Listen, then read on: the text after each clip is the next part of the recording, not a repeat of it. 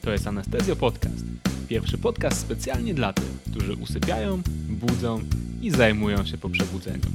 Mam na imię Staszek i zapraszam Was na kilkanaście minut wspólnej nauki. Cześć! Zapraszam na anestezjologiczną prasówkę, czyli subiektywny przegląd moim zdaniem najważniejszych artykułów, które mają jakieś implikacje kliniczne i które pojawiły się w ciągu ostatniego miesiąca w najważniejszych anestezjologicznych czasopismach, takich jak Anesthesiology, Anesthesia and Analgesia, British Journal of Anesthesia, JAMA e, i chyba coś jeszcze było po drodze. Ten podcast ma też swoją wersję tekstową, którą znajdziesz na stronie www.anestezjopodcast.pl. Tam też znajdziesz linki do wszystkich artykułów, które są przeze mnie dzisiaj omawiane.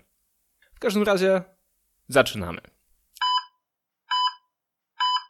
Pierwsze badanie. Zaczniemy od ciekawego artykułu, który znalazł się w czasopiśmie Anesthesiology, które należy do Amerykańskiego Stowarzyszenia Anestezjologicznego. Autorzy tego badania szukali adekwatnych wskaźników, które byłyby łatwo dostępne i nieinwazyjne do tego, żeby ocenić obciążenie wstępne pacjenta i przewidzieć, czy będzie on reagował na um, bolus płynów, który możemy mu podać. Wiadomo, że mamy takie wskaźniki jak PPV albo też SVV, ale generalnie nie są to wskaźniki, które byłyby dostępne nieinwazyjnie. No, szczególnie SVV, które dostępny jest albo bardzo inwazyjnie, albo za pomocą wyposażenia, które teoretycznie jest nieinwazyjne i działa na zasadzie praktycznie pulsoksymetru. Niestety koszt zakupu sprzętu, który pozwalałby nam na, na oszacowanie tego parametru jest niesamowicie ogromny. Natomiast e, koledzy skupili się na mikrokrążeniu, które znajduje się pod językiem, czyli w miejscu dostępnym i generalnie łatwo ocenialnym. Doszli oni do wniosku, i to jest konkluzja z ich, badania, że istnieje silna korelacja zarówno przed podaniem płynów, jak i po podaniu płynów między PPV a właśnie tym mikrokrążeniem podjęzykowym. Czyli możemy w ten sposób ocenić zarówno to, że u pacjenta płynów jest za mało i przewidzieć, że zareagują pozytywnie na bolus płynów, którym podamy, jak i ocenić, czy już na ten bolus zareagował. Słabe strony badania tylko 17 pacjentów w grupie obserwowanej. Drugie badanie dotyczy interferencji między prądem z monopolara a defibrylatorem, który jest wszczepiony u pacjenta. Badanie mówi o tym, że w zależności od miejsca operowanego, czyli miejsca, które będzie podlegało e, działaniu prądu monopolarnego, mamy różne ryzyko wystąpienia istotnej interferencji elektromagnetycznej między monopolarem a defibrylatorem, który jest u pacjenta. W zależności od miejsca ta interferencja może wystąpić od 2,5 do aż 68% pacjentów i w wielu przypadkach, a w przypadku operacji serca nawet w prawie 30% przypadków, może to być interferencja, która ma dla pacjenta ważne skutki kliniczne. Trzecie ciekawe opracowanie to podsumowanie wytycznych Society for Ambulatory Anesthesia, które wypuściło wytyczne oparte na medycynie opartej na dowodach, w temacie leczenia ostrego bólu pooperacyjnego przy rekonstrukcji ACL, czyli przedniego węzadła krzyżowego. Dziewczyny i chłopaki Society for Ambulatory Anesthesia wzięli na warsztat kilka możliwości leczenia bólu pooperacyjnego czy ostrego bólu pooperacyjnego przy zabiegach ambulatoryjnych w obrębie właśnie stawu kolanowego, konkretnie w obrębie przedniego węzadła krzyżowego. I uznali oni, że złotym standardem postępowania analgetycznego przy tej operacji jest tak zwane LIA, czyli Local, Local Instillation Analgesia. Jest to silna rekomendacja przy średnim poziomie dowodów. Natomiast inne metody analgezji, takie jak blok kanału przewodzicieli, blok nerwu udowego, powinny być stosowane dopiero, kiedy tak naprawdę nie mamy możliwości wykonania tej procedury będącej złotym standardem. Jest to niski poziom rekomendacji i niski poziom dowodów. Rekomendacje te zostały ustalone na podstawie analizy skuteczności postępowania analgetycznego i ilości powikłań, które występowały po poszczególnych metodach. Z LIA moim zdaniem naprawdę warto się zapoznać, bo jest to bardzo prosty, ale też bardzo skuteczny sposób leczenia bólu pooperacyjnego przy zabiegach kolana. Z doświadczenia powiem, że nie tylko ACL, ale też innych operacji, które odbywają się w jego obrębie.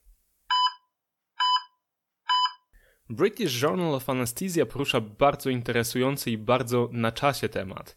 Czy anestezja bez opioidów jest w ogóle możliwa? Przeciwbólowe właściwości opioidów są kluczowe do prawidłowego przeprowadzenia znieczulenia według konceptu tej anestezji zbalansowanej na, na zasadzie działania usypiającego i przeciwbólowego.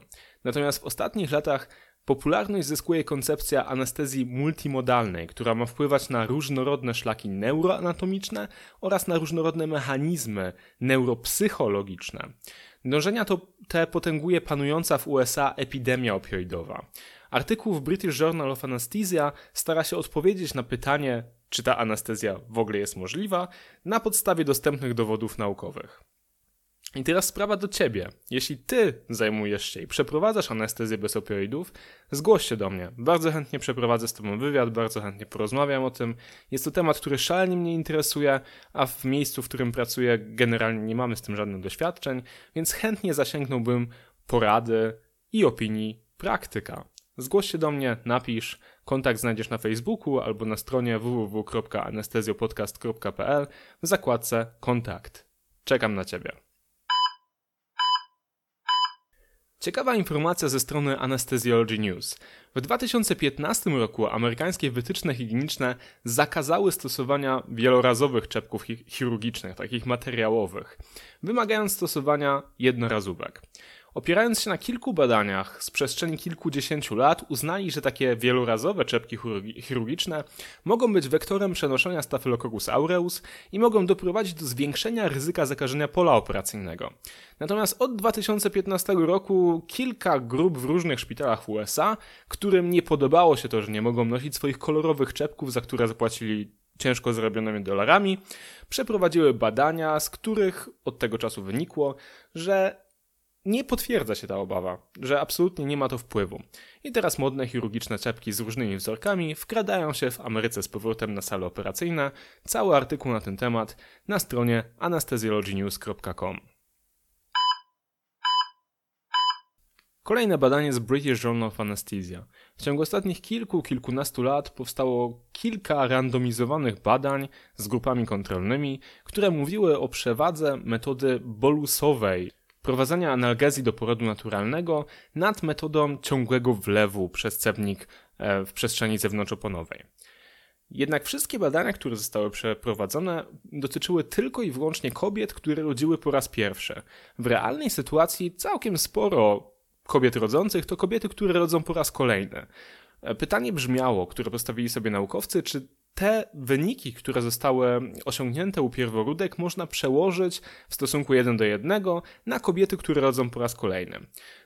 Zastosowali bupiwakainę 0,1% z fentanylem 2 mikrogram na mililitr, które ciężarne mogły podawać sobie w bolusie co minimum 20 minut, czyli w, minimum 20-minutowym odstępie. Jakie wnioski? Wnioski są takie, że wydaje się, że te badania e, od pierworódek można przetłumaczyć, czy też przenieść w stosunku 1 do 1 na kobiety rodzące po raz kolejny. Więc więc znieczulenie porodu naturalnego cewnikiem w przestrzeni zewnątrzoponowej metodą bolusów co 20 minut lub rzadziej na żądanie pacjentki. Raz jeszcze wracamy na stronę Anesthesiology News. Tam znajdziemy artykuł o tym, że potrójnie niski alarm nie zmniejsza śmiertelności 90-dniowej pacjentów. Czym jest potrójnie niski alarm? Jest to alarm ustawiony na średnie ciśnienie tętnicze poniżej 75 mm subartenci, na BIS poniżej 45 i na MAC, czyli Minimal Alveolar Concentration poniżej 0,8. Badanie to przyniosło dwa główne wnioski. Po pierwsze, że właściwie to ustawienie alarmów nie ma znaczenia. Po drugie, że anestezjolodzy bardzo chętnie ignorują alarmy. Czy pierwsze i drugie jest ze sobą związane? Trudno powiedzieć. I jeszcze jedno, ostatnie już na dzisiaj badanie z BJA dotyczące krwawienia i zapotrzebowania na produkty krwiopochodne u dzieci operowanych z powodu kraniosynostozy. Kwas traneksamowy, to już wiemy, zmniejsza krwawienie w czasie operacji, nie wiadomo jednak, czy kontynuacja wlewu w okresie pooperacyjnym dodatkowo redukuje zapotrzebowanie na alogeniczne preparaty krwiopochodne. Autorzy tego badania postawili sobie takie właśnie pytanie i wniosek ich mówi o tym, że takie właśnie postępowanie zmniejsza zapotrzebowanie na preparaty krwiopochodne i zapewne, geniusza, zachodzi to na drodze stabilizacji skrzepu. Więcej na ten temat w odpowiednim artykule. Dziękuję za wysłuchanie pierwszego odcinka anestezjologicznego przeglądu prasy. Słyszymy się w następnym miesiącu, w maju, z kolejnymi aktualnościami. Do usłyszenia.